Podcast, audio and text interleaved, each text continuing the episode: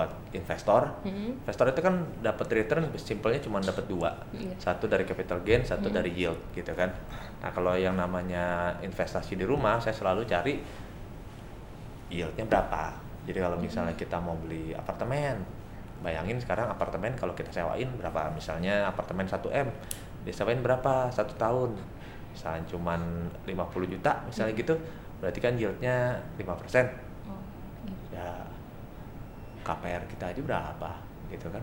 Oke, jadi nggak sebanding gitu ya. nggak sebanding gitu jadi kalau misalnya em, apa kalau misalnya yield sama itunya nggak sebanding berarti kan kita returnnya harus ngarepin dari capital gain padahal Mm-mm. kita tahu supply-nya banyak Nah, Mm. padahal dari yield aja kita nggak bisa dapat konsisten karena kita harus yakin tiap bulan dan nyewa gitu ya atau tiap itu jadi agak jadi selama yieldnya masih belum menarik mungkin propertinya belum Mm. mungkin ya gitu.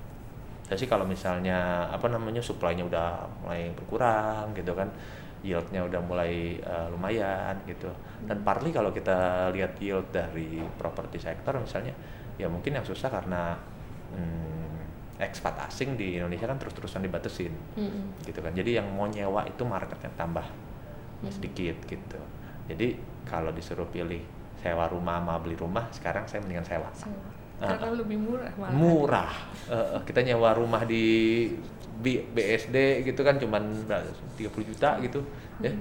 40 juta harga rumahnya 2 m. Nggak masuk akal ya kalau maksudnya kalau misalnya berarti kan kalau 40 juta kalau 1 m aja 4 persen. Berarti kalau 2 m sewa rumah yang itu 40 juta atau 50 juta cuma dua setengah persen dengan nyewa Iya ya Pak. Itu berarti pandangan untuk milenial yang belum mampu beli beli Iya, rumah kalau, gitu ya Pak. Kalau iya, kalau rental yieldnya dapetnya cuma kayak satu persen, dua persen, nyewa aja ya, Hmm. lima tahun nyewa aja, gitu tujuh tahun. Karena maksudnya uang yang kita pakai buat nyewa sama apa eh, sama daripada kita TPN beli rumah, mendingan kita si tabung di bank dapat lima persen, enam persen, nyewa cuma sepersen, Oh iya. ya dong, iya kan? Hmm. Benar juga sih. iya ngapain beli ngapain kalau misalnya itu beli gitu ya. Heeh, nyewa aja Tapi kan banyak nih Pak yang ya namanya juga orang ya yang masih konservatif tuh Pengen harus punya. ada. Iya harus ya ada kalau eh, namanya itu berarti kita asetnya. bayar buat Asetnya. buat eh, apa namanya premi em, kenyamanan Hmm. itu namanya kayak gitu kan jadi kita bayar buat merasa nyaman dan aman. Jadi kita pengen punya Mm-mm. gitu kan. Ya ya udah bayar aja. Gitu. Tapi kalau secara finansial eh, kurang ya. Gitu orang nyawa eh, orang kalau beli terus kita sewain yieldnya cuman 1-2 persen ya udah kita sewa aja. Hmm. gitu. Daripada itu 1-2 persen kan duit kalau misalnya punya duit ya Hmm. ya duit itu daripada dibeliin rumah itu taruh aja di Pasar di uang deposito aja. atau di pasar uang aja dapatnya 5-6 persen gitu kan. Hmm. ngapain kita beli rumah? Yield cuma 1-2 persen gitu kan kira-kira gitu ya. Kalau memang duitnya ada ya. Iya, iya, iya. Nah, gitu kan. Punya duit misalnya nih 2 m. Sewain berapa?